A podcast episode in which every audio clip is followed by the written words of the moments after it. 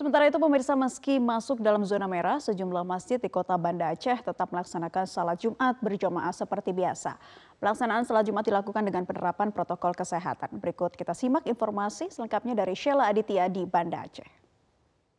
Pemirsa siang ini sholat Jumat di Masjid Raya Batu Rahman dan mayoritas masjid-masjid lainnya yang ada di Banda Aceh masih tetap dilaksanakan seperti biasanya, digelar secara berjamaah meskipun saat ini Banda Aceh masuk ke dalam zona merah penyebaran COVID-19. Sholat Jumat di Masjid Raya Batu Rahman tadi dimulai sekitar pukul 12 lebih 43 waktu Indonesia Barat dan untuk hari ini bertepatan dengan 7 Zulqa'dah 1442 Hijriah, sholat, sholat Jumat di Masjid Raya Batu Rahman ini tadi diimami oleh Tengku Haji Syafruddin Miga. Dan kemudian setelah sholat Jumat selesai ini dilanjutkan dengan khutbah yaitu dari Ustadz Haji Abarzim.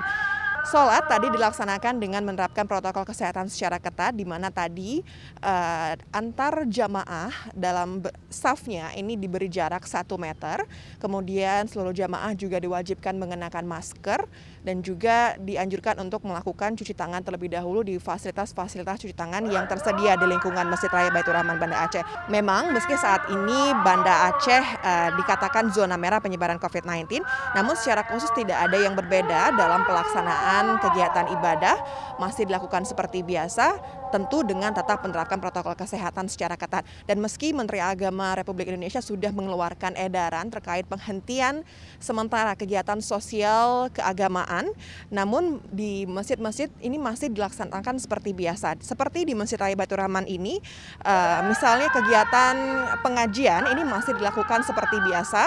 Uh, pengajian anak-anak dilakukan usai sholat asar, namun jumlah anak yang mengikuti pengajian ini sangat dibatasi dan tentunya juga dengan menerapkan protokol kesehatan. Sejalan dengan peningkatan kasus COVID-19 di Bandung, pemerintah kota Bandung mengeluarkan kebijakan pembatasan mobilitas masyarakat. Sejumlah ruas jalan di kota Bandung ditutup baik siang maupun malam hari.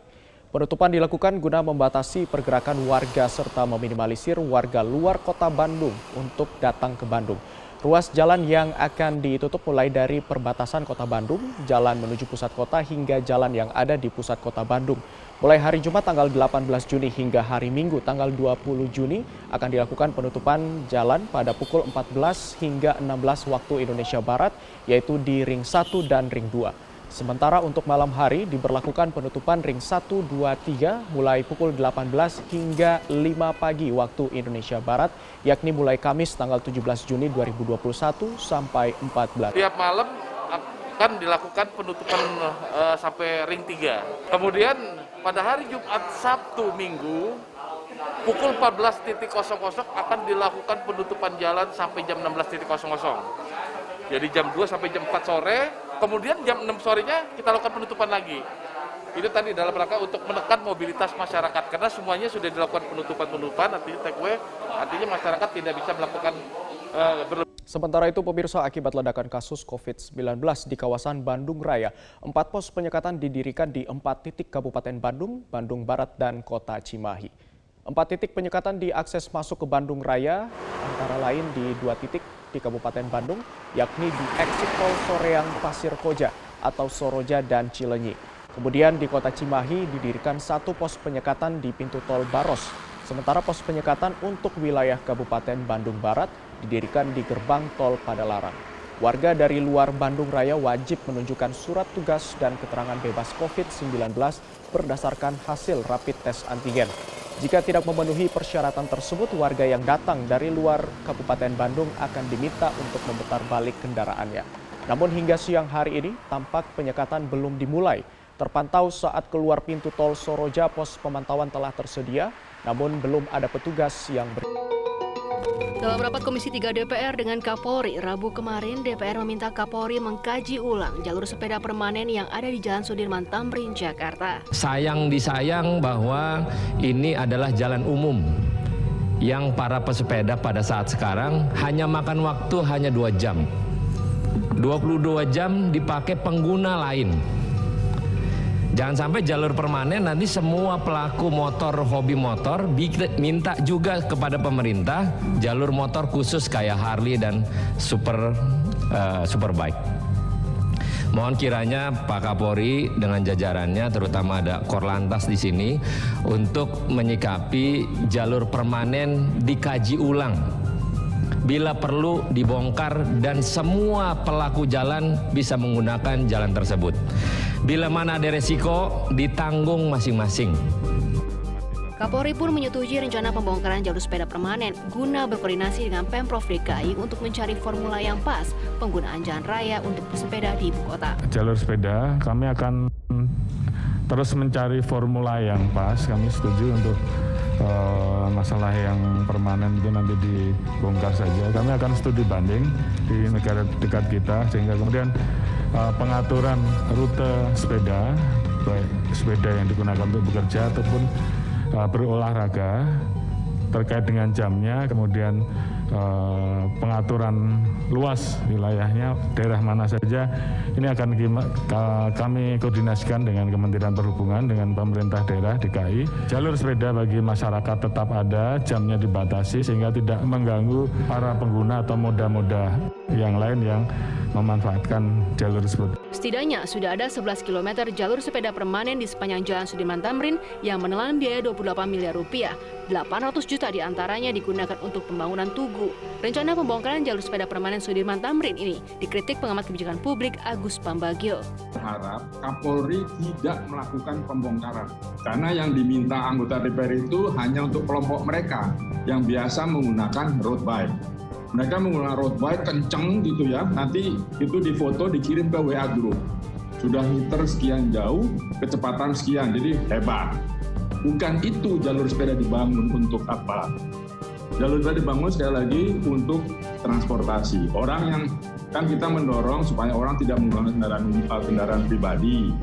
Pakailah kendaraan umum.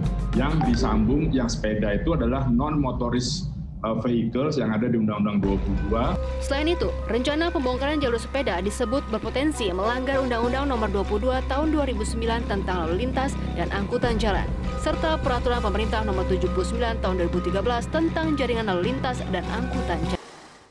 Sebanyak 17 tenaga kesehatan di Rumah Sakit Elizabeth Purwokerto terkonfirmasi positif COVID-19. Akibatnya layanan instalasi gawat darurat terpaksa ditutup sepekan untuk dilakukan sterilisasi. Para tenaga kesehatan yang bertugas di bagian instalasi gawat darurat ini terkonfirmasi positif COVID-19 setelah hasil uji swab PCR keluar. Akibat kejadian ini, layanan IGD di rumah sakit ini ditutup untuk se selama sepekan sambil pihak rumah sakit melakukan sterilisasi di seluruh ruangan. Meski demikian, layanan rawat jalan tetap bisa terlayani dengan cara pelayanan drive-thru. Direktur Rumah Sakit Elizabeth Purwokerto Siswanto Budi Wiyoto mengatakan para nakes yang terpapar COVID-19 dalam kondisi sehat dan tanpa gejala. Sebelumnya mereka bertugas di bagian IGD dan saat itu seluruh area bangsal penuh dengan pasien.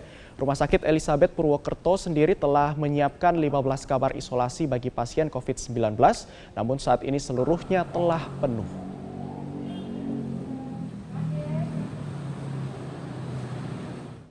Sementara itu pemirsa Dinas Kesehatan Polewali Mandar, Sulawesi Barat terus mengecarkan pelaksanaan vaksinasi dengan cara jemput bola dari desa ke desa. Cara ini dilakukan untuk meraih capaian target vaksinasi di daerah ini.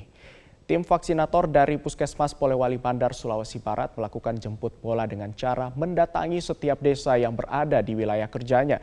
Salah satu desa yang disasar adalah desa Kuajang yang berada di Kecamatan Binuang. Warga di desa ini antusias mengikuti vaksinasi. Mereka beramai-ramai mendatangi kantor desa setempat untuk mengikuti vaksinasi COVID-19. Warga rela antre berjam-jam untuk menunggu giliran disuntik vaksin. Kegiatan vaksin ini dilakukan dengan menerapkan protokol kesehatan yang ketat seperti memakai masker dan menjaga jarak. Kepala Puskesmas Polewali, Jabir, mengatakan kegiatan vaksinasi jemput bola ini akan dilakukan selama tiga hari ke depan dalam setiap desa. Cara ini dilakukan untuk meraih capaian target vaksin.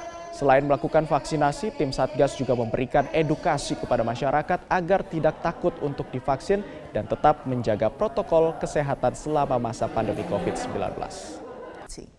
Pasca keributan di pos penyekatan tadi pagi, penyekatan Suramadu sisi Surabaya masih terus beroperasi. Kita bergabung dengan rekan Reno Reksa untuk informasi selengkapnya. Selamat sore Reno. Reno, bagaimana kondisi penyekatan Suramadu sisi Surabaya sore hari ini? Selamat sore Valen dan pemirsa. Sampai dengan saat ini proses penyekatan di jembatan Suramadu sisi Surabaya masih terus dilakukan. Bahkan seperti yang bisa kita lihat di arah Madura menuju ke kota Surabaya, proses penyekatan masih dilakukan, baik itu untuk kendaraan roda 4 maupun roda 2, dan ini pun tendanya juga dipisahkan supaya tidak terjadi penumpukan seperti itu. Nantinya setelah mereka menjalani swab antigen, jika hasilnya negatif, maka mereka akan mendapatkan surat keterangan yang kabarnya ini hanya berlaku satu kali 24 jam. Namun mengenai pasca keributan yang terjadi pada tadi pagi, apakah ada unsur-unsur penebalan pengamanan atau hal-hal apa saja yang akan diantisipasi. Saat ini saya akan berdialog langsung bersama dengan Wakapolres Pelabuhan Tanjung Perak Kota Surabaya, Kompol Wahyu Hidayat. Selamat sore Pak Wahyu. Sore. Setelah ada keributan tadi pagi di pos penyekatan Suramadu sisi Surabaya, apakah ada penebalan pengamanan yang dilakukan oleh teman-teman TNI yang uh, TNI Polri yang bersinergi ini, Pak? Baik, terima kasih. Uh, jadi di sini bisa disampaikan jadi untuk di awal tadi pagi itu bukan adanya keributan, namun ada sedikit uh, ketidaksabaran dari para pengendara kendaraan bermotor yang memang pada saat tadi pagi itu memang kami sudah sudah antisipasi dari awal karena kami melakukan penyekatan dari mulai jam 5 pagi. Nah, pagi-pagi tadi, nah, kemudian ternyata dari masyarakat yang mereka bekerja untuk di wilayah Surabaya ke arah selatan itu terjadi penumpukan sangat panjang. Sehingga ada kesalahpahaman antara pengendara kendaraan bermotor yang tadinya mereka ingin segera mengantri lebih cepat sehingga mereka tidak sabar sehingga akhirnya mereka mereka uh, tidak dilakukan uh, penyekatan dan dilakukan swab seperti itu. Jadi kalau keributan sendiri kami sampaikan ya insya Allah tidak ada hal itu. Jamin ada kesalahpahaman sedikit, namun sudah sampai sejauh ini kami sudah lakukan antisipasi, kemudian penembalan-penembalan juga memang sudah dilakukan sudah sejak dari mulai tanggal 5 kami melakukan penyekatan ini baik dari unsur TNI, dari Polri, dari Pemkot dan kemudian dari uh, Pemprov pun uh, hingga turun tangan sampai, hingga dari tingkat Polda. Kemudian hingga kami pun mendapatkan bantuan baik uh, bantuan personil dari Mabes Polri, Korbrimob Mabes Polri seperti itu. Oke, baik. Pak Wahyu terkait dengan uh, antrian ya ini tadi ada yang tadi Anda sebutkan ketidaksabaran. Nah terkait dengan adanya antrian kemudian panjangnya kendaraan yang berada di sini, apa kemudian upaya dari teman-teman kepolisian secara khusus untuk bisa setidaknya jangan terlalu lama lah kendaraan-kendaraan mengantri di sini. Seperti apa Pak Wahyu? Oke, jadi uh, sebenarnya kami sudah melakukan penyekatan ke, dari arah yang ke arah selatan itu dari dua sisi. Dari dua sisi uh, dari arah selatan ini ada dua titik ya ini dari titik di Bangkalan sendiri dan di titik di uh, setelah Suramadu sendiri seperti itu. Kemudian dimungkinkan karena pagi-pagi ini nama uh, orang melakukan aktivitas untuk uh, perekonomian, mereka bekerja sehingga mereka di situlah terjadi penumpukan penumpukan kendaraan bermotor yang sangat banyak sekali seperti itu. Pertanyaan berikutnya uh, Pak Wahyu terkait dengan uh, masyarakat ini kalau pandangan Anda pantauan teman-teman kepolisian di lapangan sejak tanggal 5 sampai dengan saat ini mereka sudah mulai aware belum untuk mau untuk dilakukan proses swab? Jadi alhamdulillah sampai sudah dari mulai tanggal 5 sampai sekarang kan kalau dari data yang kami kerjasama dengan dinas kesehatan itu ada di atas 30 ribu orang yang sudah di swab. Nah seperti itu. Di situ kita bisa melihat bahwa sudah ada masyarakat yang aware dia membawa surat uh, antigen sendiri seperti itu. Jadi mereka ada yang uh, pribadi melaksanakan antigen ataupun dia di sini dia sudah di antigen mereka mendapatkan surat dan surat itu pun berlaku untuk beberapa hari ke depan dan di sini dilakukan swab dilakukan di daerah penyekatan Suramadu ini semuanya gratis tidak dikenakan biaya apa pun seperti itu Pak Wahyu kalau kita lihat nih uh, flashback awal-awal proses penyekatan di Suramadu ini kan ada orang yang mencoba kabur gitu ya. Nah ini sampai dengan saat ini masih ditemukan tidak orang-orang seperti itu? Jadi segala upaya telah kami lakukan, terutama uh, ada apabila ada yang dilakukan swab kemudian hasil antigennya mereka dinyatakan positif memang kan dibawa ke asrama haji untuk dilakukan PCR. Nah, sambil menunggu hasil PCR keluar mereka sementara diisolasi di sana. Kemudian ada juga beberapa yang memang yang berupaya berusaha kabur. Nah, dan memang tapi uh, kami sudah memiliki data-datanya dan ada beberapa yang sudah di, diamankan maksud untuk kemudian uh, sebenarnya untuk diisolasi sendiri mereka dilakukan pengobatan dilakukan pengobatan mereka diberikan makanan yang cukup vitamin yang cukup seperti itu namun memang dari satu sisi masyarakat melihat perekonomian bila mereka diisolasi mereka tidak bisa bekerja. Inilah dari dari dari pihak Pemkot sendiri dan Pemprov itu uh, sudah memikirkan solusinya seperti itu. Terakhir Pak Wahyu, apa yang kemudian menjadi uh, himbauan dari teman-teman kepolisian untuk masyarakat secara keseluruhan baik itu dari sisi Madura yang masuk ke Surabaya maupun dari Surabaya akan menuju ke Madura. Apa yang menjadi himbauannya? Terima kasih. Jadi uh, khususnya di wilayah Polres Pelabuhan Tanjung Perak dari Buka Polres kami sendiri sudah menghimbau kepada terutama kepada perusahaan-perusahaan bagi karya ada beberapa perusahaan yang karyawannya tinggal di wilayah utara di wilayah utara ada wilayah Bangkaran, di wilayah Sumeneb dan sekitarnya. Mereka uh, untuk dilakukan swab secara berkala di perusahaan tersebut. Jadi pada saat karyawan tersebut e, melakukan perjalanan, mereka sudah memiliki surat swabnya seperti itu. Dan kemudian untuk masyarakat yang mas, dari wilayah utara masuk ke selatan, itu pun kami himbau bahwa tetap melaksanakan protokol kesehatan yang, yang pertama. Kemudian apabila di swab sendiri pun di sini di sini dilakukan, dilaksanakan secara gratis secara gratis. Dan mereka apabila memiliki surat uh, swabnya negatif itu bisa digunakan untuk beberapa hari ke depan seperti itu. Dan juga tetap menggunakan masker menjaga jarak dan mencuci tangan. Tetap itu protokol kesehatan itu harus dijaga terus sampai sampai Gubernur DKI Jakarta Anies Baswedan mengimbau warga ibu kota Jakarta dan sekitarnya untuk tetap berada di rumah pada libur akhir pekan. Keputusan ini diambil guna menekan penyebaran COVID-19 di Jakarta yang menembus angka 4.000 kasus baru setiap harinya. Usai menggelar rapat tertutup bersama Kapolda Metro Jaya dan Pangdam Jaya di Gedung Balai Kota DKI Jakarta pada Jumat siang, Gubernur DKI Jakarta Anies Baswedan menganjurkan warga ibu kota dan sekitarnya untuk tetap berada di rumah pada libur akhir pekan ini. Gubernur Anies juga mengingatkan agar protokol kesehatan tetap dijalankan dengan baik oleh warganya di tengah tren naiknya angka kasus COVID-19 di wilayah Jakarta. Kasus COVID-19 di daerah istimewa Yogyakarta mengganas dalam tujuh hari terakhir. Gubernur daerah istimewa Yogyakarta Sri Sultan Hamengkubuwono X memastikan jika angka penambahan harian terus meningkat dan PPKM Mikro tidak efektif, Yogyakarta bisa saja memperlakukan lockdown lokal. Yogyakarta termasuk salah satu yang mengalami peningkatan kasus COVID-19 dengan penambahan 500 kasus per harinya. Sultan menyebut pemerintah selama ini telah mengatur masyarakatnya dari RT dan RW untuk mengantisipasi penyebaran COVID-19. Namun dalam pelaksanaan ternyata PPKM tidak berjalan efektif. Sultan melihat peningkatan kasus positif tidak lepas dari masalah kedisiplinan masyarakat dan diperkuat dengan tracing dari kasus positif. Lagi-lagi, kedisiplinan masyarakat yang abai akan penerapan protokol kesehatan dinilai masih menjadi kunci penyebab kenaikan kasus di Yogyakarta yang mempengaruhi ketersediaan tempat tidur di rumah sakit rujukan COVID-19 yang telah mencapai 75 persen. Padahal pekan sebelumnya 35 persen. Sultan mengatakan jika PPKM Mikro tidak berjalan efektif dan situasinya semakin mengkhawatirkan, pihaknya bisa mengambil kebijakan lockdown wilayah. Tapi masalahnya kan fluktuatif ya. Dalam arti fluktuatif itu pada waktu turun ya turun, tapi nyatanya orang Indonesia, seluruh dunia ya turun. Begitu naik ya semuanya juga naik. Saya nggak ngerti ini. Kenapa gitu? Hanya tidak hanya kita, tapi tapi kan juga Malaysia lockdown, Singapura lockdown kan gitu. Jadi mungkin grafiknya memang fluktuatif tidak ada peak gitu loh. Naik turun naik turun medun, munggah, medun, munggah gitu. Tapi lepas dari kondisi seperti itu ya ya memang kita memang harus punya kemampuan mendisiplinkan diri. Kalau enggak ya selamanya ya begini tuh. Seakan tidak peduli kondisi pandemi dan abai atas protokol kesehatan, ratusan orang berkumpul menggelar acara pentas seni di sebuah mal di Sleman. Sebar di media sosial yang menggambarkan ratusan orang berkumpul dan mengabaikan protokol kesehatan. Acara ini merupakan pentas seni yang terjadi di sebuah pusat perbelanjaan di Sleman. Unggahan video ini viral di media sosial dan telah diinvestigasi oleh Satgas COVID-19 Kabupaten Sleman. Panitia kegiatan membenarkan terjadi pelanggaran protokol kesehatan. Mulanya panitia hanya mengizinkan kegiatan untuk 50 orang saja. Namun kenyataannya peserta pentas seni diduga membawa ratusan pendukungnya sehingga kerumunan tidak dapat dikendalikan.